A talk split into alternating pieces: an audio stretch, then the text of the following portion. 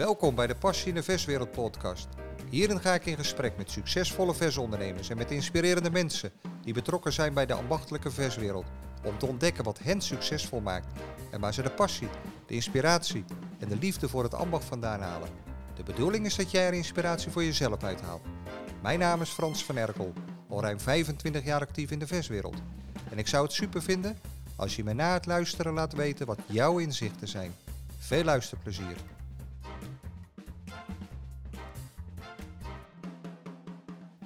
Ik zit hier eh, samen met eh Sjaak Bos in de bakkerij in eh, Tilburg van Van Iersel Bakkers. Samen met compagnon Mieke van Iersel hebben ze de leiding over 15 filialen en de bakkerij. En in die bakkerij, daar zitten wij tegenover elkaar op een kantoor. En het zou kunnen zijn dat er wat bijgeluiden zijn, want er wordt hier gewoon gewerkt. Maar goed, dat is ook de charme van, van de podcast. De filialen van eh, Van Iersel zitten eh, in Tilburg, Goorlen, Berkel en Schot en Udenhout. En ook verzorgen ze de levering aan derden. Welkom Sjaak. Ja, dankjewel Frans. Nou, je hebt een prachtige introductie gedaan al. Heel bijzonder dat je op maandagmorgen tijd voor mij eh, wilde vrijmaken. Want eh, het leven van een bakker, eh, dat, eh, ja, dat begint op allerlei onmogelijke tijden. Wat ik dan vind, hè. Eh, vind ik al heel bijzonder. En toch wist jij eh, tijd vrij te maken voor deze podcast. Eh, voor degenen die jou niet kennen, zou je je in het kort kunnen voorstellen? Ja, dat is goed Frans. Dankjewel. Ehm ik ben een, eh, een jonge man van 56 lentes. Als ik het dan maar zo zelf mag verwoorden. Je wil altijd de jongheid vasthouden natuurlijk. Hè, maar de leeftijd gaat natuurlijk wel door. 56 jaar, geboren in Rotterdam. Eh, vader van twee kinderen. Ik heb een dochter van 30 en een zoon van 28. En ik woon eh, samen met Judith. Dat is mijn levensgezel. Die is eh, makelaar, dus dat is een totale andere tak van sport. En mijn hele leven al bakker. Dat was al heel vroeg duidelijk dat ik een ruitjesbroek aan wilde. En ja, die is eigenlijk nooit meer uitgegaan. Hoe is dat gekomen? Want dat was inderdaad mijn vraag. Joh, heb je van jongs af aan iets met brood, iets met bakker, iets met het deeg? Eh, hoe is dat ontstaan? Ja, in mijn geval niet vanuit eh, de familiaire situatie. Eh, het was dat ik met mijn zus, ik heb een zus die twee jaar ouder is dan ik. En daar liep ik ze altijd samen mee naar de lagere school, eh, Rotterdam-Zuid, IJsselmonde. En dan kwamen we langs de bakkerij van Jan Roos. En elke dag, elke dag weer opnieuw is mijn zus te laat op school gekomen, omdat ik altijd met mijn neus tegen de ramen gedrukt stond daar. Van, ja, ik heb een soort helden van die mannen gemaakt die daar met platen op de vingers in de ronde liepen en met een ruitjesbroek aan en met gebak bezig waren en de geur van brood. En dat heeft me als jochie van vijf, zes, zeven enorm geraakt. En in mijn hoofd heb ik daar een helden van gemaakt, van die mannen die ik daar heen en weer zag lopen en druk zag zijn, want dat was vooral enorme dynamiek wat ik daar zag. Eh, terwijl mijn zus natuurlijk altijd weer aan mijn hand stond te trekken, kom nou, kom nou, we moeten naar school. Dus eh, daar is het eigenlijk allemaal begonnen. Wat een prachtig verhaal zeg. Ja. Waren er maar meer zo, eh Sjaak, in deze tijd, eh, die zo eh, voor de bakkerij stonden en te kijken, dat wil ik ook. Ja, Eh, ik, ik heb het ooit naar mijn zus toe nog wel eens in een gedicht aangehaald wat ik ervoor heb gemaakt, waarin een, een excuus terug te lezen was van, joh, sorry voor al die momenten die jij te laat op school kwam door mijn toedoen, maar dat, Ja. het was me allemaal vergeven Ja. later. Dus van jongs af aan die eh, passie gehad. En dan kom je bij een eh, familiebedrijf wat vanaf eh, 1946 eh, is ontstaan. En nou, in de loop der jaren naam gemaakt in Tilburg en omgeving.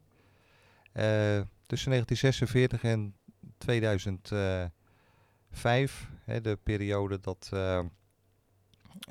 of na 2010, hè, toen jullie erbij kwamen, daar zit een hele geschiedenis. Heb je kort iets te vertellen over de geschiedenis van het familiebedrijf? Eh, Jazeker. Dat eh, het is inderdaad in de naoorlogsperiode opgericht door vader van Iersel. Eh, Walter is zijn voornaam. En Walter kwam uit een, uit een grote familie, groot gezin. En in die naoorlogsperiode was het mouwen opstropen en aan de gang. En zorgen dat we met elkaar de kost kunnen verdienen en uiteindelijk het land terug opbouwen. En Walter was in eerste instantie broodbezorger. Die ging met de bakfiets eh, in Tilburg in de ronde om brood weder te verkopen. Hij kocht dat dan in bij Smarius. Dat was destijds een grote bakkerij in Tilburg. Die dus bakte voor wederverkopers, zoals dat in die tijd gebruikelijk was. En Walter had iets met dat product. Dat, dat sprak hem aan. Dat, daar had hij een, een voorliefde, een, ja, een gevoel bij. Uiteindelijk heeft hij toen gezegd, daar wil ik ook alles van weten. Dus hij is naar de vakschool gegaan. Heeft daar al zijn papieren gehaald. Uh, dus hij mocht zich bakken noemen op dat moment. En toen dacht hij, ja, dan is de volgende stap dat ik dat ook echt daadwerkelijk voor mezelf ga doen.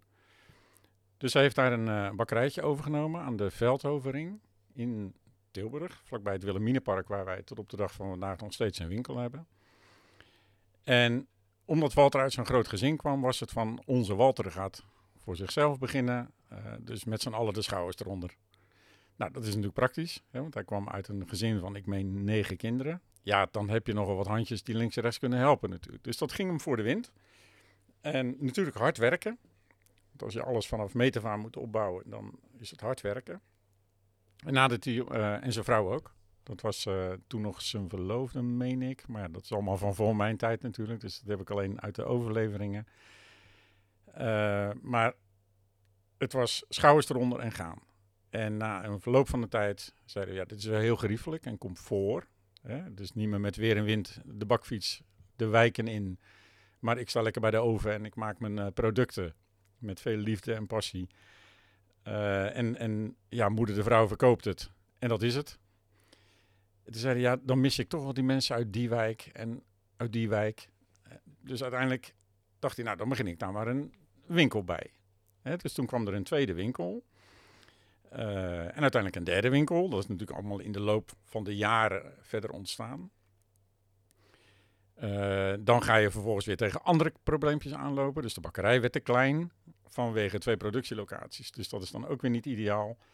En toen is het pand waar we nu zitten, aan de Ledenboerstraat 27 in Tilburg, aangeschaft. En is er opschaling plaatsgevonden van het volume van de bakkerij als zodanig.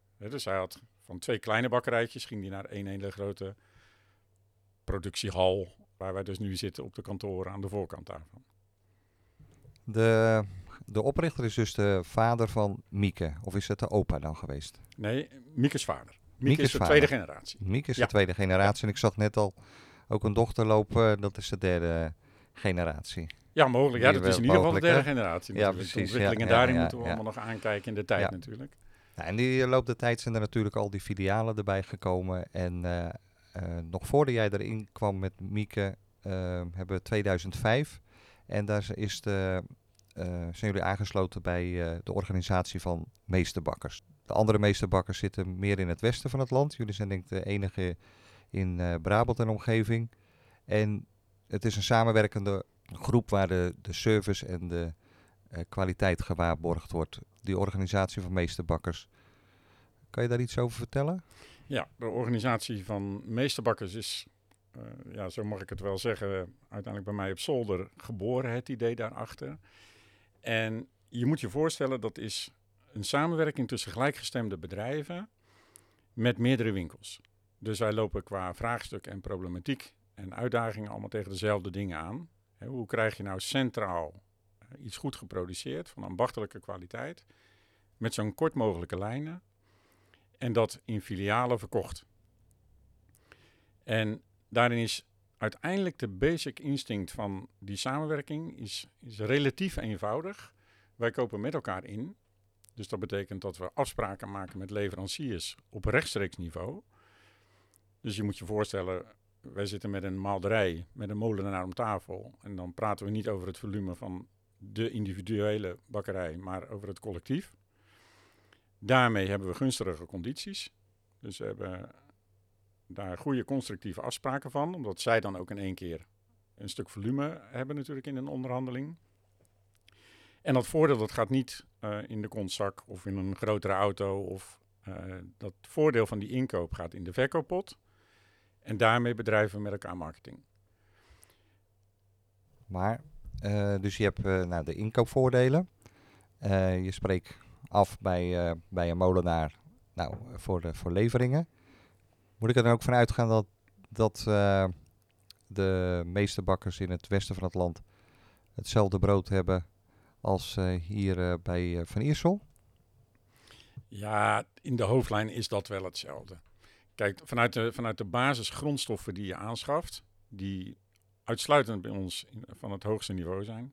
Want die selectie die kan je dan volmaken. Je kan natuurlijk heel goed uh, met elkaar zeggen, want dit is het niveau van, van de spullen die we willen inkopen. En, en dan wordt er heel kritisch gekeken naar uiteindelijk je eigen bedrijfsvoering en je proces daarin. Dus ik zal niet ontkennen dat er misschien nuanceverschillen zijn. In het Westen, als ik het even ja, mag samenvatten, daar, daar wordt ietsje steviger gebakken dan uh, in Brabant hier. Is voor mij natuurlijk ook een stukje gewenning geweest op het moment dat ik hier naartoe kwam. Uh, omdat de consument dat toch meer belieft hier. En het is natuurlijk de kunst om juist aan te voelen, wat is de vraag van de klant? Hè, wat, wat, waar ligt zijn voorkeur? Maar dat, dat is een procesnuance. Ja, uiteindelijk heb je als meel en bloem en de overige grondstoffen je basis is. Dan uh, zet dat het niveau van het uiteindelijke product wat je maakt. En kleine correcties daarin aangestuurd in je eigen proces.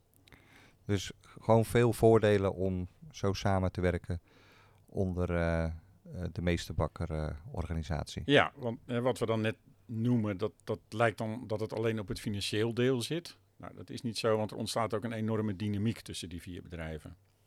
We zijn gelijkgestemden, dus dat betekent dat je ook tegen dezelfde vragen aanloopt als zodanig. En er zijn natuurlijk enorm veel ontwikkelingen in de bakkerijbranche uh, aan de gang. Klantvragen, hele specifieke klantvragen. De invloed van uh, Nederlanders, uh, mediterrane producten, ander type grondstoffen, maar ook aan de allergene zijde.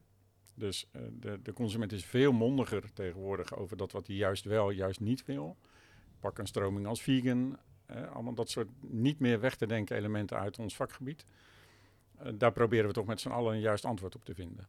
Ja, maar jij zei net, het is bij mij op de zolderkamer uh, ontstaan.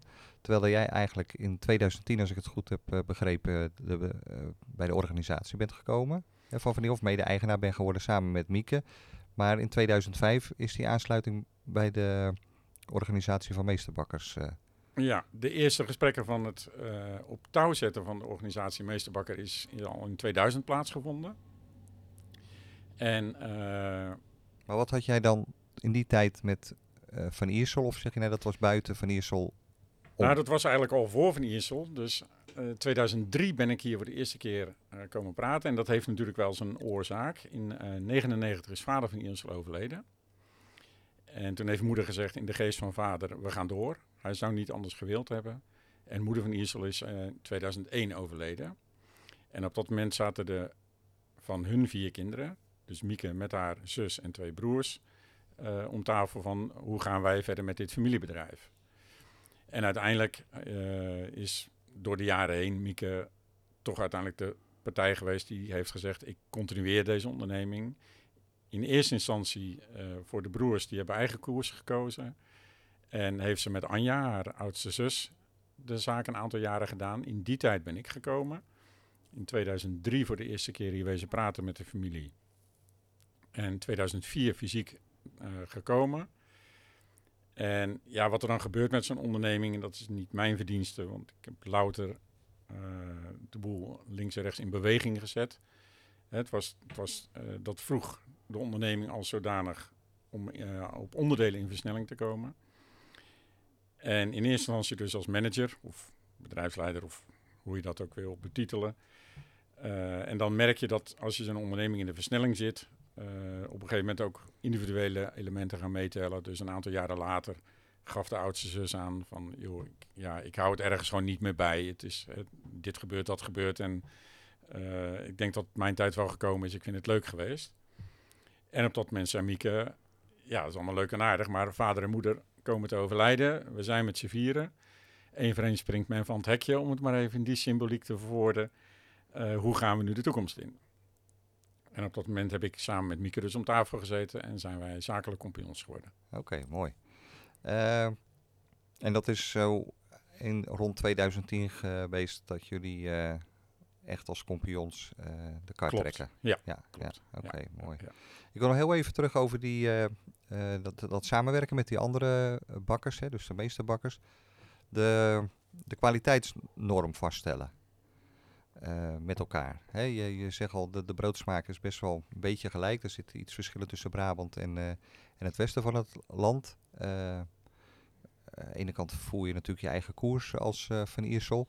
Maar die kwaliteitsnorm die wordt, die staat hoog in het vaandel hè, bij, de, bij de organisatie en bij jullie. Hoe, hoe gaat zoiets? Kan je dat in het kort en in, in uh, Jip en Janneke taal uitleggen? Ja, we hebben in onze branche hebben we een prachtig kennishuis. Dat woord mogen we helaas niet meer gebruiken. Dat was ooit een streven om een kennishuis uh, samen te stellen. Uh, maar we hebben het Nederlands Bakkerijcentrum in Wageningen. Wageningen is toch wel de bakermat van uh, de kennis en het samensmelten van de bakkerijbranche al sinds jaar en dag. En we hebben het Nederlands Bakkerijcentrum in Wageningen, wat toeziet op onze kwaliteit. Dat betekent dat wij zelf producten inleveren die vervolgens door keurmeesters en vakjuries indien gewenst zelfs op onderdelen. Hè, als je het predicaat goud op een onderdeel wil halen. Hè, je kent dat wel, dat je een oorkonde krijgt op een bepaald onderdeel wat je uh, dan inlevert op vrijwillige basis. Hè, dat je eigenlijk de keurmeester wil laten toetsen van je, hoe staan wij er nou in en wat zouden we er mogelijk commercieel mee kunnen door dit predicaat te kunnen uh, nastreven, te willen nastreven. Nou, dat hebben we op heel veel producten inmiddels uh, ook bereikt. Praat ik over stollen, oliebollen, boterletter, allemaal dat soort uh, specifieke producten waarvan je zegt, nou die wil je echt even in het zonnetje zetten. In dat opzicht, het uh, reguliere product wordt door, uh, ja, noem het een soort tussentijdse rapportcijfers beoordeeld. Waarvan wij als meesterbakkers onderling zeggen, dat moet minimaal een 7,5 zijn, zijn op de schaal die in de bakkersbranche wordt gehanteerd daarin. Oké, okay, dus op die manier wordt dat uh, vastgelegd. En ja. dat wordt in, nou, vanuit Wageningen wordt, worden dingen gecontroleerd. Uh, en dan lever je ook aan derden. En dan zit je dus, dat heeft, ja, je hebt die kwaliteitsnorm, maar je hebt natuurlijk ook die voedselveiligheid. de lat ligt heel erg hoog. dan lever je aan derden. Hè. Neem aan, misschien ook wat supermarkt en zo. en ik weet van andere producten en leveranciers, vooral in, in, in met vers dat, uh, ja, dat, dat die lat gewoon heel erg hoog ligt uh, wat voedselveiligheid betreft. Ja, wij werken met de hygiënecode voor de bakkerij. Dus dat is een HCCP-systeem. Ik hoor jij zeggen leveren aan supermarkt. We hebben een tweetal supermarkten waar wij een aantal streekproducten leveren, een aantal specialiteiten van ons. Uh, op zelfstandige basis. Dus dat zijn de zogenaamde vrije jongens, die niet organisatiegebonden zijn die een aantal van onze specialiteiten verkopen. Voor de rest leveren wij niet aan supermarkt. De omzet uit deze bakkerij is voor 90%, zelfs een ruim 90%, wordt uh, gevormd door die eigen winkels. Dus daar hebben wij al onze aandacht en al onze focus op zitten. Uh, neem niet weg dat die aantal procenten extra omzet die we wel doen in levering derde, dan moet je je voorstellen aan een aantal kinderdagverblijven, wat instellingen in de regio, uh, wat bedrijfskantines. Dus dat zijn echt, ja, ik noem het altijd stoepranden omzet. Dat is ons verzorgingsgebied. En als wij van A naar B rijden, dan vinden we het helemaal prima om ergens één of twee of drie kratten product weg te zetten. Uh, in die vorm. Dus we zijn niet organisatiegebonden. Dus wij zitten okay. niet bij topbakkerachtige organisaties. Hè. Het is de eigen winkels die hier de boventoon voeren. De directe consument uh, is de partij waar wij contact mee hebben. En uh, het kleine beetje omzet wat wat er omheen loopt, uh, dat is omdat wij daar uh, een goede connectie en lokaal verbondenheid mee hebben. Hè, pak een aantal restaurants uh, die een aantal producten van ons verkopen. Dat is, ja, dat is ook leuke omzet. Ja, ja. oké. Okay. Tijdens mijn voorbereiding kwam ik op jullie, uiteraard op jullie site. En ik moet zeggen, een zeer informatieve site. Een site die ik vaker ga bezoeken. Nou, dankjewel. En site waar je volgens mij op rond blijft surfen. Een site met blogs en actuele onderwerpen. Uh, met recepten, geweldige recepten. Uh, die blogs die gaan over bijvoorbeeld zout in het brood, allerlei actuele onderwerpen. Ja, mijn complimenten daarover. Ja, dankjewel. En, uh, ja, we hebben een aantal jaren terug, een twee, drietal jaren terug, hebben we onze website echt grondig onder handen genomen. Toch steeds meer doordrongen. Ja, ik zeg altijd, vroeger bakten we krentenbollen en die verkochten we meer dan dat was het hele spel niet. En tegenwoordig bakken we nog steeds diezelfde krentenbol. Uh, en moeten we er allerlei andere routes mee wandelen. Natuurlijk naast de winkels heb je ook uh, je webshop nu. En, en hebben we ook allerlei andere digitale routes. zoals Facebook, Instagram. Nou, ik sta er nog net geen dansje op TikTok mee te doen, maar het zijn allemaal wel de routes die natuurlijk tegenwoordig en met name bij de jeugd natuurlijk enorm meetellen. Ja. Om zichtbaarheid in de markt natuurlijk vast te houden daarin. Dat betekent dat mensen uh, zich kunnen laten inspireren op de site van een product wat hen aanspreekt of uh, iets wat ze, waar ze meer van willen weten. pak een seizoensproduct als aardbeien, wat dan nu volop natuurlijk aan de gang is.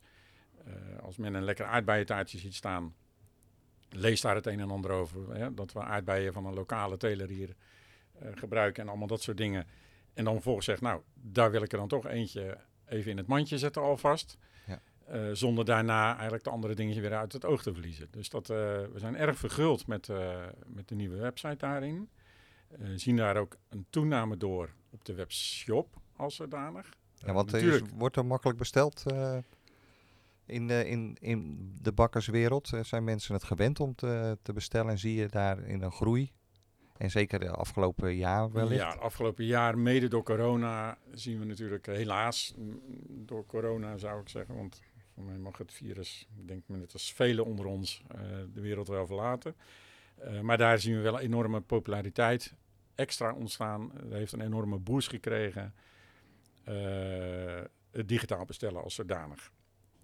Dus we zien een, zelfs momenteel nu nog een index van, terwijl we toch een beetje in de nasleep van corona langzamerhand aankomen. Ja. Uh, draaien we nog met een indexcijfer van 162 momenteel. Okay. Dat zag ik net ja. de cijfers van vorige week. Oké, okay. Nou ja, goed. dat die site zo uitgebreid is en nou ja, wat ik zei, hè, de complimenten daarover.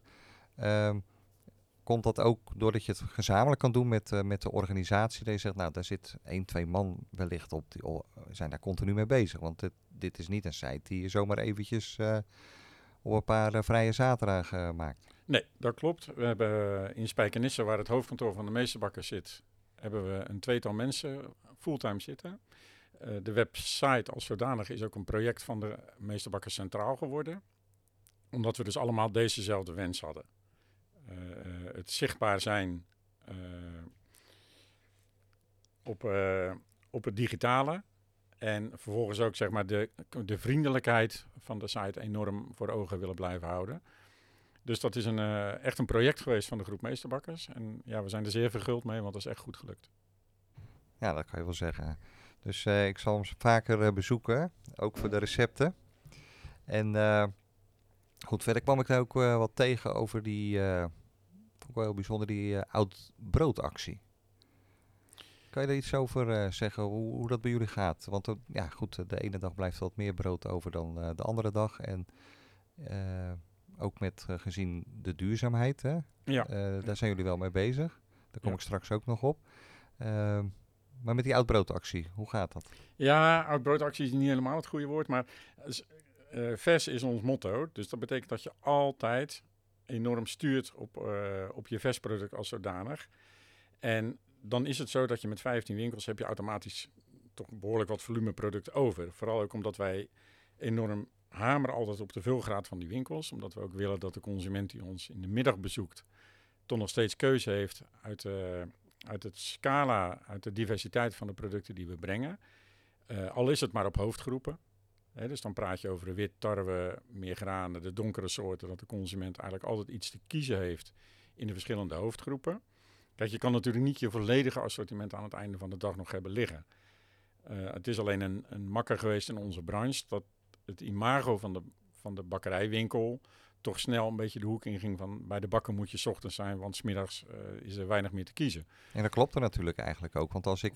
Uh nou ja, goed, ik kom uh, ook bij bakkers door het land. En dan gebeurt het gewoon dat je 12 uur, half 1, 1 uur, dat er gewoon echt standaard brood er niet meer is. En eigenlijk dat je ja. smiddags met een lege winkel zit. En dat is een keuze die een bakker natuurlijk gaat maken. Jongens, gaan we dus inderdaad het risico lopen dat we meer brood overhouden. of, zo, ja, of het is om 12 uur, 1 uur, wie het eerst komt, wie het eerst maalt. En je moet er inderdaad s morgens zijn. Ja, ja, ja, ja, ja. Ja, daar hebben wij een aantal jaren terug dus echt een principekeuze in gemaakt. Om te zeggen van we willen gewoon per se, en dan met name, ja, ik noem het altijd maar je kroonjuwelen. Hè, dus je, je echte specialiteiten, daar moeten onze winkels niet zonder zitten. Daar hameren we ook echt op. En is gelukkig ook iedereen volop mee bezig. Dus dat je ten alle tijde wil dat dat soort producten voorhanden zijn. Uh, en we zien ook, doordat we juist die vulgraad altijd op orde hebben van die winkels, dat daardoor juist een positief effect ontstaat. Dus het is toch gebleken dat het een beetje verkeerde redenatie is om te zeggen van nou ik ga aan die achterkant ga ik, ga ik zitten drukken. Terwijl juist durven investeren op vulgraad van de winkels, durven investeren op het feit dat je dan maar iets overhoudt, uiteindelijk toch loont dat je daarmee de positiviteit van je winkels onderstreept.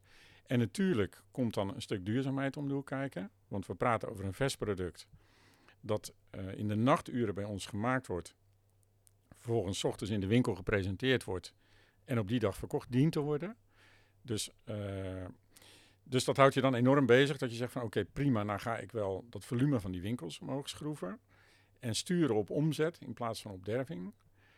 Maar vervolgens loop je dan natuurlijk het risico dat je daarmee uh, overhoudt. En dat is eigenlijk weer een beetje tegenstrijdig in de tijd waarin we leven natuurlijk. Hè? Dat we steeds bewuster met voeding bezig zijn en met, met minder uh, verkwisting uh, van doen willen hebben. En dus daar, daar, hebben jullie een oplossing voor, toch? Ja, daar hebben we dan een oplossing voor verzonnen. En dat is dan ook weer iets wat uit de brainstorm en uit de gesprekken met de collega meesterbakkers allemaal tevoorschijn komt. Hè? Want je hebt zelfde vraagstukken, je hebt zelfde onderwerpen die, die uh, links en rechts knellen en waar uitdagingen voor gezocht moeten worden. En die hebben we een aantal jaren terug gevormd uh, door een, ik noem het maar even, een soort second-hand store uh, op te tuigen. Onder een andere formule, dus los van onze eigen meesterbakkerformule, hebben we onder de naam Eurobakker een, een klein winkeltje in Tilburg. Waarin dan producten die technisch gewoon nog helemaal prima zijn, verkocht worden. En waar we dan even goed mensen enorm blij mee maken prachtig is dat. Uh, zouden we er meer moeten doen, toch? Ja. En we Want wat gebeurt er in het algemeen met, met oud brood? kijk, jullie hebben heel veel filialen, dus die, die, die stapel is natuurlijk veel groter dan bij iemand die één of twee of drie bakkerijen heeft. Maar gaat dat naar, naar een boer of gaat dat... Nou, wij hebben dus vanuit het vraagstuk retouren, zo heet dat dan in ons vakjargon, hebben we gezegd van vanuit die 15 winkels heb je automatisch veel volume van de producten die je overhoudt. En hebben we gezegd van, wat, wat zijn nou onze keuzes daarin? Wat, wat is nou de wens uh, om daarmee te doen? Dus we hebben een aantal winkels waar we gedurende de eerste paar uur van de ochtend met een sticker erop, dus duidelijk zichtbaar, brood van gisteren, dan voor een euro of anderhalve euro, afhankelijk van de type verpakking, verkopen. Om dus de laagdrempeligheid van het product te benadrukken. Dus dat is eigenlijk ook dezelfde route als die we met die ene winkel apart hebben, de, de Eurobakker. En daarnaast hebben we een hele bewuste keuze al pak een beetje 15, 16, 17, 18 jaar geleden gemaakt om leverancier te worden van de voedselbank hier in Tilburg. Okay. Om uh, al ons product recht te doen komen. Uiteindelijk wordt het allemaal vers gemaakt en wordt het uh, allemaal goed behandeld in de route onderweg. En daarin hebben we een goede samenwerking. Uh, die komen hier elke dag komen ze met een auto komen ze spullen ophalen. En dan moet je denken aan product wat dus overblijft vanuit de winkels. Maar dat kunnen ook partijen zijn uh, waarvan we hier met de kwaliteitsnorm zeggen van er zit een deukje, een butje in. We vinden hem net niet winkelwaardig. Uh, een cake die net een, een, heel klein beetje ingezakt is ten opzichte van wat eigenlijk je norm zou zijn. die leveren we dan specifiek aan de voedselbank. Prachtig zeg. Dus bij Van Iersel gaat er weinig de vuilnisbak in? Daar gaat niets de vuilnisbak Kijk. in. Nee. Dat horen we graag. Dus het is, ja, dus het is uh, de eigen winkels op één. Uh, vervolgens de route brood van gisteren, Eurobakker op twee. Met de voedselbank daaraan uh, gelineerd. En dan hebben we vervolgens nog wat fouragehandelaren, paardenboeren uit de regio ja. hier, die zeggen van nou die restanten die dan nog weer overblijven, die, die halen wij op. we proberen echt zo secuur mogelijk daarmee om te gaan. alleen al vanuit de bewustwording die we met elkaar hebben om zorgvuldig met de planeet om te gaan. Nou, dat, dat horen we graag ook in deze tijd. Dat is een belangrijk item en daar gaan jullie ja. heel goed mee om. Hè? Uh, even over jullie specialiteit. Hè? Je, je, hebt heel veel gelijk met de meeste bakkerorganisatie. Maar goed, in Brabant hoort toch wel het worstenbroodje. Absoluut. En dat is ook echt Brabants, toch, uh, ja, ja, ja, Sjaak? Want ik heb ooit een keer... Brabantse dan dat wordt het niet. Nee, ik heb één keer in een van jullie filialen echt een mega foto op de, op de ramen hebben geplakt. En Ja, dat, dat, dat, daar hebben jullie natuurlijk ook een marketingplan voor, voor het worstenbroodje. Of gaat dat, eh, iedereen koopt gewoon... eh, hoe, hoe werkt dat in Brabant? Want het is Nou- heel opvallend dat het zo Brabants is. Ja, dat, dat is, het staat zelfs op de werelderfgoed van, eh, van, de lijst. Ja, ja, ja, ja. Brabant, eh, Brabant heeft dat toch voor elkaar gekregen. Dat is een... eh, Fantastisch. Ja, dat, dat zijn van die streekspecialiteiten. Hoe klein ons land ook is, hoe klein Nederland ook is. Eh, naast het feit dat taal daarin natuurlijk eh, een enorm eh, item is wat meetelt. Ik bedoel, twee Friesen die hier naast ons zouden gaan zitten en in hun taal een gesprek zouden voeren. We zouden er geen touw aan vast kunnen knopen. Dus die dialecten is een ding, maar vervolgens zijn ook streekspecialiteiten een enorm leuk iets. En dat zien we in onze branche enorm. Je hebt het suikerbrood in Friesland, je hebt de vlaai in Limburg, de duivenkater in Noord-Holland. En zo heb je en de bolus in, eh, in Zeeland. Overigens zijn wij daar hier ook redelijk sterk in, in bolussen.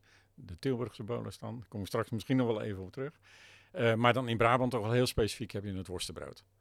En vader van Iersel heeft dat al heel vroegtijdig ingezien. Die heeft eh, een, een voorliefde voor, naast het bakkersvak voor worstenbrood, is bij hem boven komen drijven. Dat vond hij echt een prachtig mooi product. En eigenlijk al in de jaren dat deze bakkerij, waar we dus nu zitten, ingericht is, is er een hele aparte afdeling voor het worstenbrood ingericht. Ze zijn ook erg lekker. Ja, ze af en toe ja, ge- ja. geproefd natuurlijk bij jullie. Ehm, dus dat is een specialiteit voor jullie. En dan in 2017 komt er op het uh, Wagnerplein eh, de formule de Tosti-fabriek. Eh, hoe is die ontstaan? Eh, want eh, da- daar, is, eh, daar is het eerste Ja. filiaal met die Tosti-fabriek. En zometeen komen we bij jullie laatste filiaal aan de Jan Heijnstraat. Eh, Ja. Daar is die ook. Tosti-fabriek. Ja. Hoe is ik dat zal nog even, nog even terugkoppelen naar het worstenbrood. Eh, wat, ik, wat ik net al zei, en dan ga ik verder over de Tosti-fabriek hoor, dus ik vergeet je vraag niet. Eh, alleen het worstenbrood als zodanig, daar heb ik toch eigenlijk nog wel leuk nieuws over ook. Vader van Iersel zag al in dat dat worstenbrood echt een mooi product was. Dus wat, wat gezegd net, een aparte afdeling voor geïnitieerd. Inmiddels hebben we daar een, eh, een nog verder geprofessionaliseerde afdeling voor staan, die ook volledig onder EEG-erkenning draait. Dus eh, dat betekent dat wij nog steeds hetzelfde recept, wat vader van Iersel destijds heeft verzonnen, hanteren. Eh, inmiddels zijn de grondstoffen daarin natuurlijk allemaal telemeet gemaakt, hè, zoals dat dan aan de achterkant van het proces heet. Dus dat betekent dat eh kruidenspecialisten voor ons en op onze specificatie zaken mengen, eh, wat wij dan in charge verpakkingen natuurlijk toe kunnen voegen. Maar wij eh, maken gebruik van het vlees van Rielander Pracht. Dus dat is een lokale partij. Eh, slager Roy Ooms is daarin eh, ons contactpersoon al sinds jaar en dag. En dat betekent echt dat ook met datzelfde bewustzijn en welzijn voor, de dier... onze varkens lokaal hier bij, bij de boerderijen vandaan komen. En daarin proberen we zo goed mogelijk eh, ook zorg te dragen voor een stuk borging van die kwaliteit. Dus dat betekent dat we altijd hetzelfde soort vlees hebben, van dezelfde onderdelen.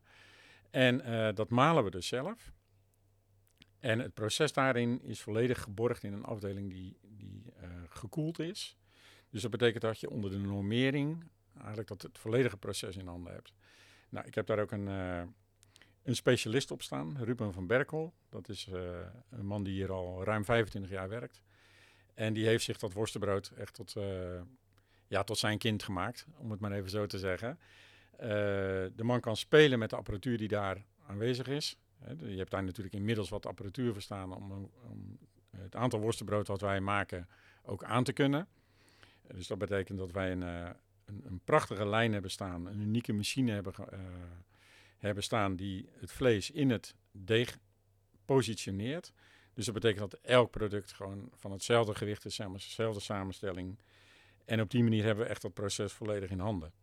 Nou, het, het feit dat die man zo kan spelen met die machine eh, en met die aansturing van, van die receptuur, dat maakt ook dat we gezegd hebben door de jaren heen, eh, daar willen we naast de populariteit van het originele worstenbroodje, van het basisproduct als zodanig, eh, willen we ook nog wat varianten ontwikkelen. En dat hebben we inmiddels gedaan. En dat, eh, ja, dat is een ongekend succes. En dan moet je denken aan naast het reguliere worstenbrood, eh, wat op basis is van varkensvlees, hebben we eh, een keer een halal versie ontwikkeld. op basis van rundvlees dan. Maar vooral ook nu een kipversie.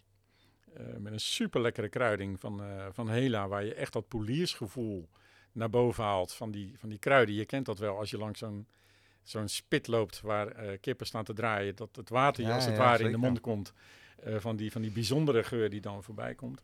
Eh, dat gevoel hebben we echt willen bereiken met, met ons kipworstenbrood. Dan hebben we voor de hartige liefhebber hebben we een spicy variant ontwikkeld. En inmiddels ook een, een saté-versie. Dus dat betekent dat we met onze huisleverancier van de kruiding, dat is Hela Tisha uit Limburg, specialisten op gebied van kruiding, dit soort eh, avonturen zijn aangegaan. En inmiddels zie je dat de consument dat enorm omarmt. Hè, dus het is je, eh, je hebt het reguliere worstenbrood, wat dus ja, bij elke Brabander wel zo'n beetje bij, eh, bij elk moment eh, op tafel gewenst is.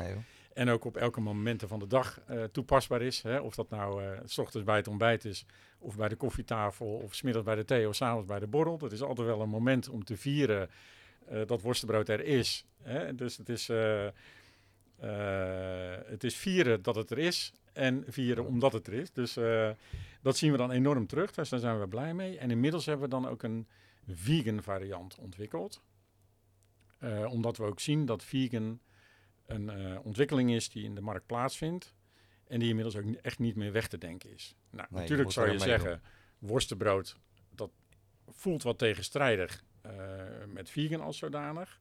Maar toch hoorden wij het geluid dat eh, de echte vegan, de veganist, eh, zegt van joh, ja, waarom is er nou in dat segment niets voor ons? En toen heb ik daar een, eh een voedingsmiddelentechnoloog voor ingehuurd, nu al een, een tweetal jaar terug. En we zijn bijna een jaar bezig geweest met de ontwikkeling van ons vegan worstenbrood. Want dat is ja, toch weer een andere tak van sport. Daar hebben we ons echt in verdiept. En natuurlijk moet je dan leunen op de expertise van, van iemand die daarvoor gestudeerd heeft. Eh, maar het is ons gelukt. En we hebben inmiddels een prachtig vegan worstenbrood ontwikkeld. Zowel het deeg als de vulling 100% vegan. En wij zijn werkelijk overspoeld met de reacties die we daarop gekregen Zijn hebben. we een van de eerste? Ja, ja, eh, echt de eerste. Ja, joh. Ja, 100 Ja, mooi. Ja, En eh, ik ben er echt ja, toch een beetje van mijn sokken geblazen. wat daar buiten ons om, want dat was nog niet eens ons eigen promotiewerk als zodanig, eh, over in de markt gebeurd is. Maar zie je dat in je, in je webshop terug, dat je buiten de Brabanders, dat je merkt dat... Of, of, of sturen jullie niet op eh, de spullen? Nou, wij hadden een worstenbrood gebracht in onze eigen winkels. Natuurlijk met een stuk tekst en uitleg naar onze winkelmedewerkers. Die we dan ook allemaal een, eh, een pakketje geven om te laten proeven. om zelf ook te proeven en mee naar huis te nemen. Eh, dat ze ook weten van hey, wat, voor, wat voor product verkoop ik en wat is het verhaal erachter. En, eh, maar wat schetste onze verbazing? De, de, de eerste week dat we dat brachten, eh, nou, dan heb je wat aantallen die op die lijst komen. Hè, van oké, die winkel die bestelt zus, die bestelt zo. Hè, van oké, we, we vinden het wel leuk, dus kom maar. En vervolgens de week erop explodeerde dat zowat. Die aantallen die, die, die verveel, verveel, veelvuldigden zich in een enorm tempo. Eh, en wat bleek, eh, dat werd gedeeld op allerlei sociale media. Eh, Facebookgroepen, Instagram, communities van mensen die op zoek zijn naar vegan inspiratie en producten. En daar werd volop gedeeld. Van, bij Meesterbakker van Iersel hebben ze een nieuw product ontwikkel, ontwikkeld. Een 100% vegan worstenbroodje. Dus ja, dat werd eigenlijk voor ons werd dat gedeeld op al die platforms. En eh, als een olievlek ging dat in de ronde. En we hebben mega veel complimenten en leuke eh, reacties daarop gekregen. Van mensen die zeiden, nou eindelijk eh, ook het typisch Brabants product worstenbrood nu in een vegan variant. En ik moet zeggen, hij is ook echt heel leuk gelukt. Het is, ja, je hebt toch echt het gevoel, ik eet een worstenbroodje. Want dat Gaan is we testen. wat je na wilde streven daarin. Dat je toch een beetje die bite benadert. want dat is het moeilijkste, die bijt. Ja, ja, ja, ja, ja. En vandaar ook zeg maar de expertise van, van, eh, van Frank die we daarop in hebben gehuurd. Om te zeggen, joh, je hebt een aantal items afgeleid van het reguliere worstenbrood. Wat je in dit product terug zou willen laten komen. Ja. En ik ben er zeer verguld mee. Nou, Dus ik ga hem, eh, Testen, Sjaak. Ehm, nou, dat was het eh, worstenbroodje, hè? ja, ja, mooi, ja, mooi duidelijk. En toen wilde jij nog iets over de tosti En dan wil ik even, je worstenbroodje, maar je hebt ook een tosti. En alle twee zijn ze lekker, maar er zit, enigszins verschil in. Maar bij jullie is die Tosti-fabriek, dat is echt, nou, met een logo, dat, dat, dat is echt een soort formule Ja. geworden. Hè? Hoe is dat ontstaan? Op, op enig moment zat ik ergens in het vakblad te lezen dat de tosti in populariteit toenam. En dan denk je, oh, dat is eigenlijk eh, een leuke ontwikkeling. En vooral ook omdat het natuurlijk in de basis van ons product gemaakt wordt. En toen ben ik het een en ander over gaan zitten lezen, over de, het ontstaan van de tosti. En ja, waar zijn die dingen nou allemaal leuk en creatief verkrijgbaar. Eh, ja, en dan zie je ook in dit soort zaken dat als je ergens in verdiept, als je ergens mee bezig bent, ja, dan gaat er op dat moment een deurtje open en dan ontstaat er een hele nieuwe wereld van dingen waar je tot, tot dusver nog niets van af wist. En toen kwam ik eh, bij wat verschillende formules uit die zich gespecialiseerd hadden in tosties. Nou, dan, eh, dan spring ik in de auto, dan ga ik op pad. Dan ga je proeven, dan ga je overal kijken, dan ga je inspiratie opdoen. En uiteindelijk eh, bracht al die inspiratie eh, de tosti-fabriek zoals we hem dan nu aan de gang hebben. En wat we zagen is dat er, eh, als iets een hype wordt of als iets populair is, dan wordt het heel snel de internationale kant op getrokken. Dus dan zie je Engelstalig ontstaan en dan zie je ja, een beetje wereldwijd de ontwikkeling in mee gaan tellen. En waar ik dan naar op zoek ben, of waar we dan naar op zoek zijn met elkaar, is dat we zeggen, ja, maar we willen die aansluiting houden bij onze eigen formule. Bij onze eigen klant, eh, bij de klant die zich bij ons geriefelijk voelt en, eh, en thuis voelt. En natuurlijk wil je mee met ontwikkelingen en, en, en ja, hype zal ik dan niet zeggen, maar wel met ontwikkelingen. En natuurlijk in een studentenstad als, eh, als Tilburg mag dat ook best wel een beetje hip en trendy zijn. Maar we hebben hem dan toch helemaal Nederlandstalig gemaakt en gehouden. Eh, dus het is, ja, er zijn wel meer ontwikkelingen en, en formules deze richting op. Pak een Tosti Club in Breda. En eh, nog een aantal van deze concepten. En toen hebben wij gezegd van nou, we willen de Tosti Fabriek maken. Eh, ontwikkeld door meester Bakker van Iersel. Hè, dat is ook het sub-logootje wat erbij staat. Maar toch laten zien dat we een, een soort formule onder onze formule hebben. Nou, de eerste try-out daarvan is geweest aan het Wagnerplein. eh, in het overdekte winkelcentrum. Is natuurlijk niet echt een, locatie waarvan je zegt, nou, pakken mensen een terrasje of eh, omdat het een overdekt winkelcentrum is. Maar het was voor ons als try-out echt helemaal prima. Om gewoon te kijken van wat is het product in de basis en hoe kunnen we daar creatief mee omgaan en ook creatief presenteren. Inmiddels eh, eh, hebben we er twee aan de gang van de Tosti-fabriek. En komt de derde er straks bij aan de AB-fabriek in, eh, in Tilburg-Zuid. Waar we het een klein onderdeel van onze winkel gaan laten zijn. Die winkel gaan we in september verbouwen. En daar krijgt, krijgt naast het reguliere meesterbakker van Iersel assortiment ook de Tosti-fabriek een stukje aandacht. Ja, en dan aan de Jan Heijnstraat, hè, daar eh, zijn wij ook vanaf het begin bij betrokken geweest. En eh, in de sfeer en de beleving, samen met. LT en ja, interieurbouwer ja, Little. Maar we hebben daar nodige mogen doen. En ja, nog steeds vind ik het eh, fantastisch hoe het daar geworden is. En nou, de teleurstelling was natuurlijk dat het terras niet eh, open kon. Eh, ook voor die Tosti-fabriek. Dat is inmiddels wel zo. Zie je gelijk nu een verschil in, ja, uiteraard natuurlijk in omzet, maar ook in het klantenbezoek. Omdat nu het terras open is, dat mensen toch wat makkelijker de broodjes of bij de Tosti-fabriek bestellen. We zien, ja, die Jan Heijnstraat, ja, dat is wel een hele bijzondere Frans. Dat, dat is een aantal jaren terug ging de Albert Heijn XL die daar zit. Eh, dat is een ongekend eh, krachtige Albert Heijn die daar zit. Eh, zit standaard in de top 3 van Nederland. Dan weer eens is die 1, dan, dan, ja, dan weer eens 3, dan weer eens 2. Dat, dat, dat varieert een beetje met de andere XL's in, in Nederland. En ik kwam in gesprek met de manager die daar destijds, inmiddels is die een paar maanden terug met pensioen gegaan. Eh, met Mario, met Mario kwam ik in gesprek. En eh, dat klikte. Eh, een enorm gedreven baasje die daar die winkel bestiert alsof het zijn eigen winkel is. Onderschat niet 450 man personeel. Dus ja, dan heb je wel een winkel aan de gang, zou ik zo zeggen. En Mario heeft met zijn Albert Heijn XL daar echt een bedrijf aan de gang. Mario weet hoe de hazen lopen bij Ahold. kent die organisatie door en door. Eh, dus had wel de vrije hand om dingen zelf daar te regelen. En eh, ja, omdat er zo'n zo'n klik was met Mario, eh, was ik van meet af aan eigenlijk al betrokken. toen daar die verbouwplannen van de Ahold in zijn geheel plaats gingen vinden. En groot was toen ook de teleurstelling dat we een aantal jaren terug te horen kregen van, joh, Sjaak, heel vervelend, maar er is geen ruimte voor meester Bakker van want de bestaande huurders hebben voorrang. En uh, ja, de meters zijn op. Want Albert Heijn XL, ja, die wil zelf ook erg veel uitbreiden. Dus voor een bakkerswinkel uh, is er geen ruimte. Nou, daar was ik best teleurgesteld over, want ik had daar toch wel een beetje mijn zinnen op staan. Maar de contacten zijn gebleven. Ze heel af en toe eens even een belletje met Mario en een mailtje van joh, alles wel. En uh, ook met de mensen van Ahold, Ahold Vastgoed. Ja, want die heb je natuurlijk ook nodig voor een proces als dit. En uh, die contacten die zijn altijd warm gehouden. Uh, toen in het begin van corona er ja, tot grote spijt in de horeca natuurlijk wel wat, wat, wat, dingen gebeurden, moest daar de lunchroom die daar zat naast Albert Heijn XL de deur sluiten. En op dat moment contacte Mario mij van, Jos Jaak, ik denk dat dit je moment gaat zijn. Het zijn, zijn bange tijden, hè? de wereld schiet een beetje op slot. Uh, dus je moet het maar durven. maar ik zou het toch erg leuk vinden als je naast ons komt zitten. Dus nou, dat was niet tegen Dovermans oren gezegd natuurlijk. het was dinsdagochtend dat hij mij belde. En op vrijdagmiddag hebben we de huurcontracten met Ahold getekend. Dus hoe snel kunnen soms dingen gaan natuurlijk. Wel heel snel. Ja, ja, ja, ja, ja. Maar dat was... Ik zeg altijd, enthousiasme is de grootste drijfveer om zaken te doen.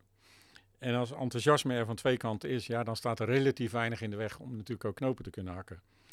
Dus dat was van het, het telefoontje op dinsdagochtend van Mario naar een bezichtiging op dinsdagmiddag. en Mario is ongeveer net zo'n kuitenbijter als ik, dus dat was een bezichtiging met de mensen van Ahold Vastgoed op de woensdagochtend. Op donderdag zijn de stukken opgesteld en op, donderdag, op vrijdagmiddag ging de handtekening eronder. En op dat moment, ja, dan gaan hier de radertjes pas lopen natuurlijk. Want helemaal fantastisch dat je dan een locatie erbij hebt en dat huurcontracten officieel getekend zijn. Maar op dat moment meen ik dat ik jou gebeld heb. Joh, Frans, help. we hebben hier een project wat ik wil dat aan de bovenkant van ons winkelsegment komt te zitten. En waar, uh, waar sfeer en uitstraling gigantisch belangrijk gaan zijn. Omdat we daar het verschil willen maken. Uh, en volgens ben jij uh, volgens mij één of twee weken later aangesloten om hier met de eerste brainstormplannen in combinatie met LT Wim Little en, en jou in persoon en Mieke en mij hier om tafel te gaan om deze winkel vorm te gaan geven. Ja, dat was een fantastisch project. En goed, nu, is, nu draaien redelijk normaal met uh, wat de omstandigheden betreft. Dus je hebt, we hebben het terras toen samengesteld en uh, ik ben mee geweest om ja. tafelstoelen en dat soort dingen uit te zoeken. En toen kon het niet open, nu is die wel open. Zie je nu meer roering nog weer in de, de Nou, winkel? we hebben het terras nog niet open. en, en waarom niet? Lukt dat niet? Ja, wij willen, als we iets doen, willen we het goed doen. En voor 100%.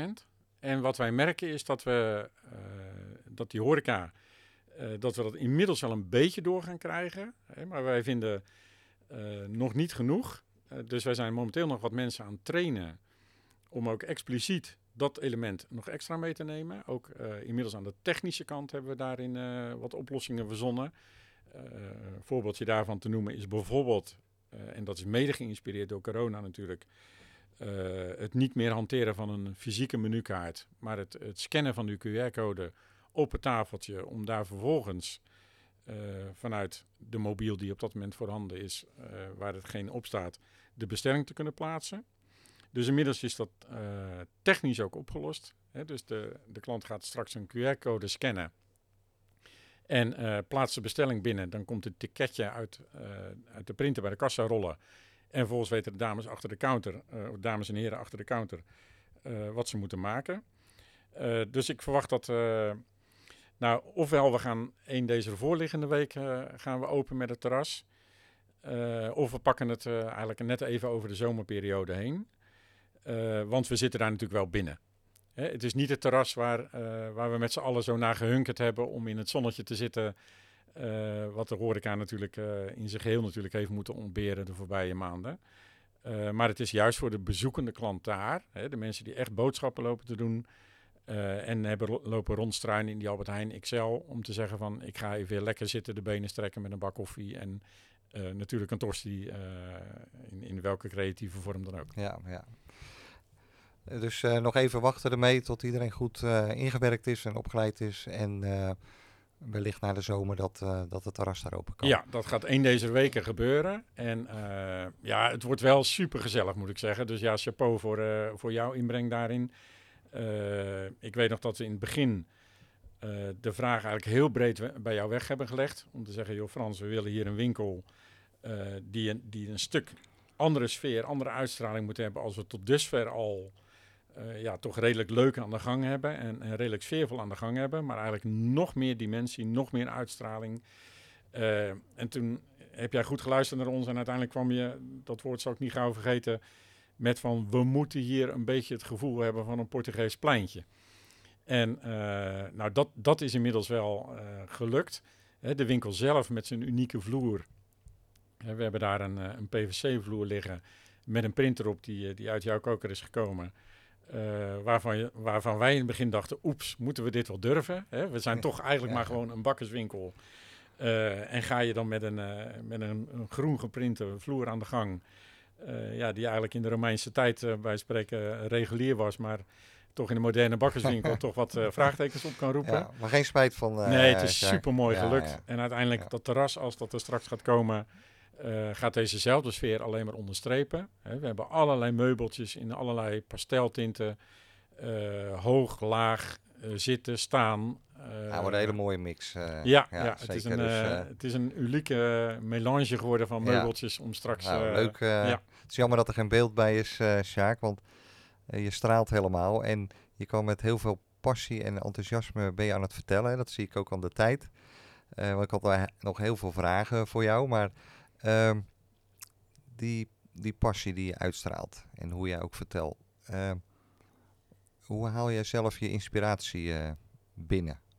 Ehm, waar wordt Sjaak van door geïnspireerd? Ehm, en die inspiratie die je, die je ja, wellicht in je ontspanning of eh, met je hobby. eh, weet ik dat je weinig tijd daarvoor hebt volgens mij. Eh, maar je moet toch ergens door geïnspireerd worden. En dat moet je ook weer overbrengen op je mensen. Kan je in kort daar iets van vertellen? Ja, inspiratie, ja, dat, dat, dat, daarmee bestoken we elkaar onderling als meesterbakkers. Hè, dat is het mooie en de dynamiek die in deze groep zit. Hè, op het moment dat, dat wij ergens tegenaan lopen. eh, ik ben nu met een project brownies bezig in allerlei creatieve vormen. En in samenspraak met een grondstoffenleverancier eh, ga ik dat hier dan aan. En daarin eh, zijn dan de eerste resultaten afgelopen week bekend geworden. En hebben we een prachtig assortiment brownies wat we dus binnenkort gaan brengen. En dan deel ik dat natuurlijk per direct met de collega's. En het leuke dan is dat je in reply daarop eh, bijvoorbeeld 1, 2, 3 productideeën zomaar weer terugkrijgt van de collega's. En eh, dus dat is het leuke. Het is ook, ja, ik zeg altijd, eh, ja, als je kan delen, kan je ook vermenigvuldigen. En, en als je dat, je moet iets van jezelf durven geven. Hè, ik, ik heb altijd, ja, toch de overtuiging dat als je dat wat je geeft, krijg je terug. Dus op het moment dat jij open durft te zijn, op het moment dat je durft te delen en, en ook daarmee zelfs kwetsbaarheden durft te tonen. Dus dat je zegt van nou, dat, hier loop ik tegenaan, hoe kunnen we er nou mee omgaan? Of vanuit enthousiasme, ik heb iets leuk gezien, bedacht, ontwikkeld, vormgegeven eh, en je deelt dat met elkaar. Dan zie je vaak dat je zelfs nog door plafonnetjes heen schiet. Dus dat, dat dus als ik het goed begrijp, word jij in je werk geïnspireerd en niet zozeer buiten je werk. Nee, zeker, zeker. Ja. Ja. En, eh, Want je moet er ook je rustmomenten zien te vinden. Jawel, natuurlijk. Dat, dat, dat, ja, dat kan eh, van iets wat je bij anderen ziet, of, of eh, bij spreken op televisie voorbij komt, of als je iets leest, of als je iets hoort van mensen onderweg. Ja, dat zijn natuurlijk allemaal ideetjes waarvan je ja, toch een soort filtersysteem bij jezelf hebt. Van wat pik je overal mee. Eh, en gelukkig hebben wij ook in onze bakkerij eh, een heel team van mensen lopen. Eh, we hebben een paar heerlijke strijdvaardige eh, chefs op de afdelingen lopen. Hè, eh, dat maakt ook dat je, hè, ik hoor je net over vroeg beginnen, ja natuurlijk. En helemaal met, met, met ontijdagen en met feestdagen, ja, dan heb ik ook de ruitjesbroek aan. Dan is het volgas met z'n allen schouders eronder. Maar normalitair gesproken heb je echt goede kerels op die afdeling lopen en een goed team aan de gang. Ik noem dat afdelingsverantwoordelijke. En eh, die prima in staat zijn om de afdeling leiding te geven naar hun eigen hand. En ik vind ook die vrijheid moet je laten aan die mannen. Dat, dat in dit geval zijn dat dus heren en we hebben een winkelbegeleidster. Dat is dus als ik de afdeling als zodanig moet benoemen, dan heb je natuurlijk de winkels voorop, waar uh, Mieke en Simone uh, samen de scepter zwaaien. Daar begint het allemaal. Dat is de voorkant van ons, van ons hele proces. En vervolgens hebben we hier op de afdeling hebben we de, de broodbakkerij, waar Jan Willem de scepter zwaait. René Slinger, die onze banketbakkerijleiding geeft. Peter Paul, die de expeditie aanstuurt. En de specialist op het worstenbrood Ruben, die ik net noem. wat dan natuurlijk echt een belangrijk item is in, ons, in onze assortimentsgroepen. En het is ook zo, als die mensen met voeling met hun medewerkers weer komen met ideeën, dat je daar dus dan ook voor open staat. dus het is niet een, een treetje van wij verzinnen dingen en de mensen zijn vervolgens alleen maar uitvoerend. Nee, er komen ook juist heel veel creatieve ideeën uh, vanuit de afdelingen en vanuit de, de winkel zelf. Mensen die ergens zijn en een product zien en zeggen, joh, kunnen wij dat ook? Of uh, laten ze een keer iets zien in deze richting, zeg maar. Dus dat, uh, en dan, als je dat durft, als je dus ook dingen durft los te laten en dingen bij andere mensen durft te laten liggen, dan ontstaat er ook een hele andere dynamiek. Ja, met al die geïnspireerde en gepassioneerde mensen om je heen. Hè? Uh, je moet het met elkaar doen. Uh, met de organisatie, de hele club. Wa wat, waar verwacht je dat uh, Van Iersel over tien jaar staat? Dan zijn we nog net zo fanatiek en net zo... Kijk, je moet je voorstellen, zo'n bedrijf als dit, we bestaan nu 75 jaar. Uh, dus dit is ons jubileumjaar zelfs officieel. Nou, natuurlijk alles overschaduwd door corona.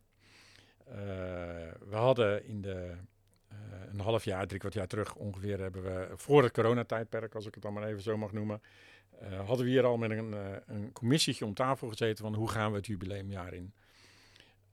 Hoeven we ook weer niet allemaal zelf te verzinnen. we hebben ook wat collega's die inmiddels ook al jubilea hebben ervaren. Voskamp heeft zijn 75-jarig jubileum al gehad. Uh, zit zelfs over de 100 jaar heen. Uh, dus dan, dat soort ideeën pakken we natuurlijk mee. Maar ook wil je dan dingen typisch des Tilburgs maken. Hè? Ik had gekeken naar wat bedrijven die ook net als wij ook 75 jaar bestaan. Om dus te kijken, want misschien kan je samen opstomen met festiviteiten en activiteiten. En we hadden voor onszelf een aantal dingen meer dan creatief verzonnen. Een open dag die we al een aantal keren hebben gedaan, stond op stapel. Uh, als mede een, een, een, gigantisch ontbijt willen organiseren, waar ik al met de gemeente over in gesprek was, om hier in de straat uh, heel veel mensen uit te nodigen, die misschien ook 75-jarige verjaardag vieren, of nou ja, welke inslag je dan ook pakt. helaas moesten al deze plannen natuurlijk overboord, omdat het niks anders is als het samenbrengen van mensen. Nou, als er één ding in deze coronatijd is wat je niet mocht of moet doen, is natuurlijk juist het samenbrengen van mensen. Terwijl dat juist de basis was om veel festiviteiten en veel uh, feest te vieren met elkaar. Uh, dus we bestaan nu 75 jaar. En dat is dan een historie waar je op leunt. En mijn kinderen hebben eigen koers. dus daar, daar gaat de richting niet op. bij, de van, bij de kinderen van Mieke gaan we dat nog allemaal zien in de toekomst. Uh, ik weet wel dat zij ergens de stille wens heeft dat het in de familie zou, uh, zou mogen blijven, het bedrijf.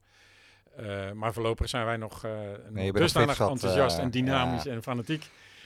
daar hoeven we ons zeg maar, de, nee. de eerstvolgende jaren geen zorgen over te maken. Nee, nou, dat straal je ook uit, hè? dat zei ik net al. Ja, en, en als het zo ook. is dat, dat zeg maar, de volgende generatie zich aan zou dienen, ja, dan is het de taak ja. aan Mieke en mij natuurlijk om onze ervaring en onze leerprocessen te delen uh, met een mogelijk volgende generatie om te zeggen van uh, we verankeren dat. En, uh, en je zorgt dat dat dus zeg maar met alle gewenste stabiliteit de toekomst ingedragen wordt. Ja, en, en, en dus, nou ja, goed, bestaansrecht van Van Iersel, daar maak je op zich geen zorgen over. Nee, Maar de, de versmarkt, de verswereld in het algemeen, hè, dus de, de slager, de kaasboer, groente en fruit, is er over 10 jaar, 15 jaar verwacht je dat die, die markt er nog steeds is? Ja, daar ben ik van overtuigd. Uh, wat we zien, en, en ja, dat heeft corona ons ook een beetje geleerd. We zijn eigenlijk opnieuw gewaardeerd. En nogmaals, ik, ik zou heel graag dat virus niet in de wereld gehad hebben. Want dat heeft natuurlijk ongelooflijk veel leed en, en, en, en drama met zich meegebracht. Ook als we wereldwijd naar de cijfers kijken, dan is dat alleen maar een stil van te worden. En uh, het is ons allemaal overkomen. Wat we als neveneffect zien, is dat wij als, als speciaalzaak uh, hernieuwd gewaardeerd zijn.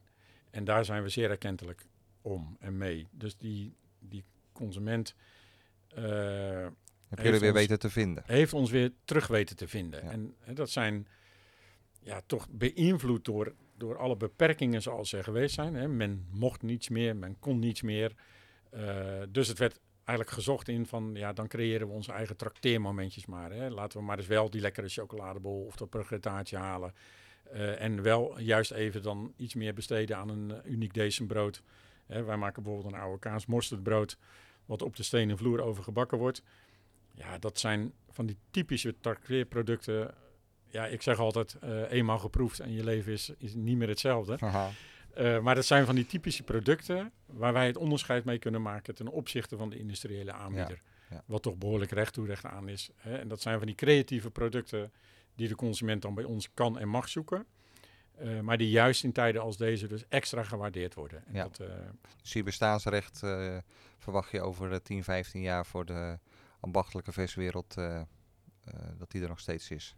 Ja, absoluut. Ja, ja, ja, ja. En natuurlijk is het zo dat je moet, moet, moet blijven opstellen dat je mee wil bewegen. Hè? Dat ook je kracht moet zijn.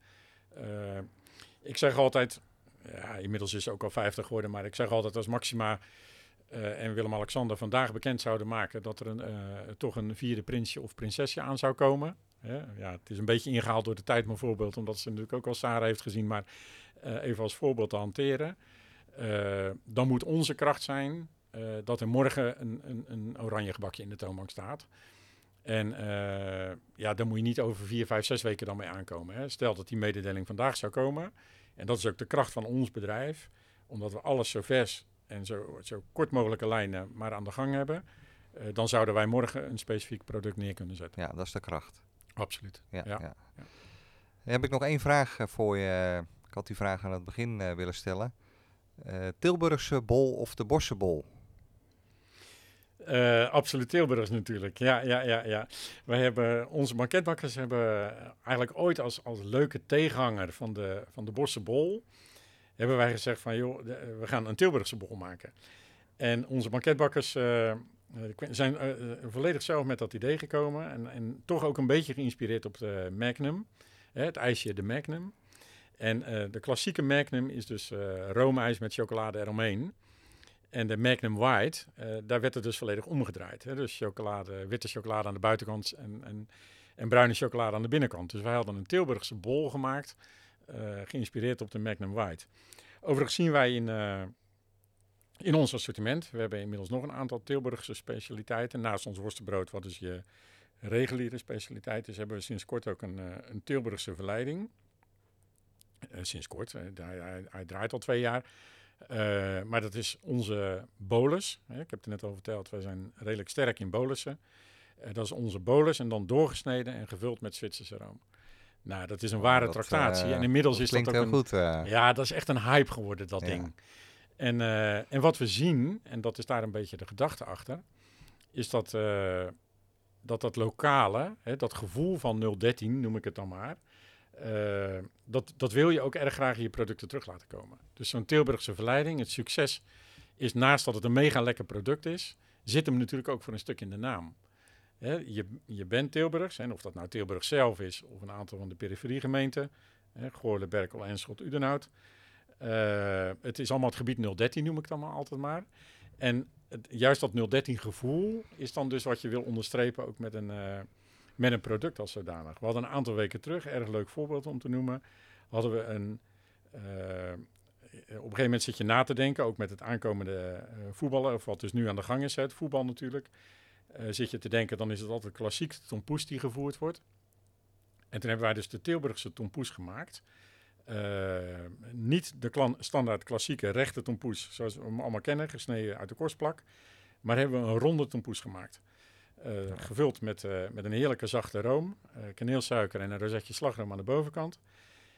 Frans, je wil niet weten, dat ding werd op Facebook 933 keer werd daarop gereageerd en gedeeld en, en, en geliked. En, nee, de, de reacties waren zelfs 933 keer. Dat is veel, ja. dat is echt ongekend. Dat is echt heel veel. Er was gewoon een explosie van mensen die zeiden van, ah, ze hebben weer wat verzonnen. En mensen die elkaar taggen en liken, weet ik het hoe het allemaal werkt.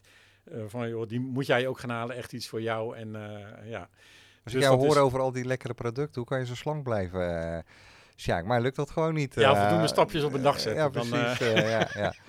Hey Sjaak, je bent, ja, wat ik al zei, een geweldige verteller ook. Ook met inhoud, zeker.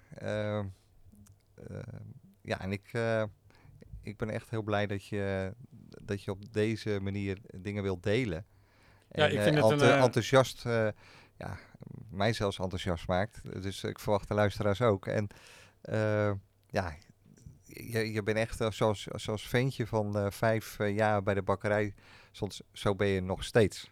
ja, nou, dat is ook echt wel iets wat ik vast wil houden. En hoop, hoop vast te mogen blijven houden, zeg maar. Dat, Ja. dat, eh, overigens vond ik het ook superleuk om, om hiervoor gevraagd te worden. Want eh, ja, het, het fenomeen podcast als zodanig kende ik niet. Dus ik, ik ben me er echt helemaal in gaan verdiepen van... wat is dat nou weer voor een nieuwe wereld? Ja, En ik ben echt blij verrast wat daar allemaal al eh, eh, momenteel mee aan de gang is.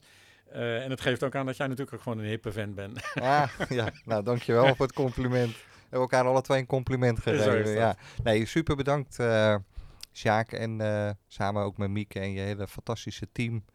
Heel veel eh, succes. En eh, nou, wij hopen nog eh, lange tijd met elkaar te kunnen samenwerken. Dankjewel Frans. Ja, oké. Super dat je weer luisterde naar deze podcast. Het is eenvoudig om een review achter te laten als reactie op deze aflevering. Ga naar je podcast-app en klik op reviews en laat bijvoorbeeld 5 sterren achter. En wil je in het vervolg alle afleveringen overzichtelijk onder elkaar? Abonneer je dan op deze podcast. Klik in de podcast-app op bijvoorbeeld iTunes of Spotify op de button subscribe of abonneren en je ontvangt automatisch een bericht als er een nieuwe aflevering verschijnt. Ik kijk er naar uit om berichten te ontvangen met vragen en suggesties. En wellicht wil je iemand geïnterviewd hebben of heb je input voor een solo-aflevering?